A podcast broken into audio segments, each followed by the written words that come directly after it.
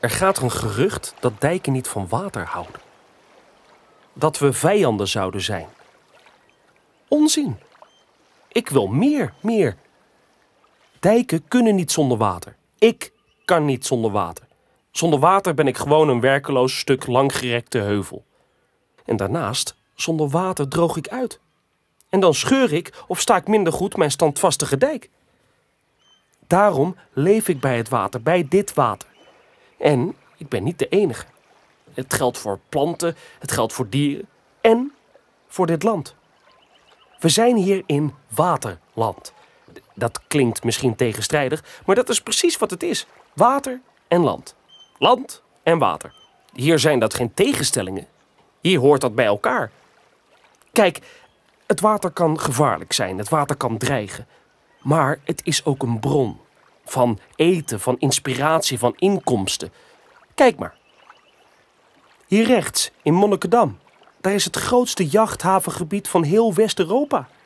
En links, daar, in Volendam, wonen de wereldberoemde vissers. En daar, voor ons, is Marken. Dat werd ooit door een stormvloed een eiland. Met helemaal aan het einde van de landtong de vuurtoren. Het paard. Kijk, luister. Zoals ik het zie. Waterlanders zijn geen zoogdieren. Waterlanders zijn amfibieën.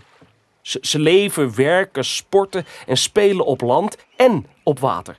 Ze hebben dan wel geen kieuwen of vliezen, maar wel zwempakken, roeispanen, surfplanken, kano's, vishengels, noren, zeilen of een koeplat. Dat is een boot voor koeien. Ze, bouwen boten, bruggen, dammen, sluizen, molens, dijken. Alles om in, op, naast, over, langs, tegen, tussen en samen met het water te leven. Hier in de Gouwzee gaat het maar al te goed. Dit stukje is zo mooi helder, zo beschut en zo ondiep. Als de zon laag staat, is het water goud.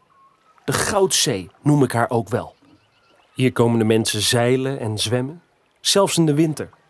Een duik in het nieuwe jaar met je zeilboot op het ijs, om te vissen of om naar de vogels te kijken.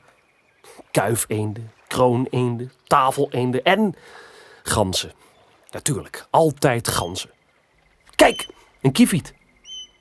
Of om gewoon even voor zich uit te staren. Gewoon even. Bewust zijn van het water. Gewoon even. Het water bewonderen.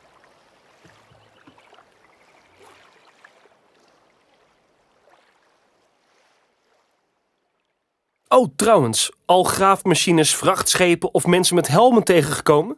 Dat kan kloppen. Op verschillende plekken moet ik namelijk versterkt worden. In totaal zo'n 33 kilometer tussen Hoorn en Amsterdam.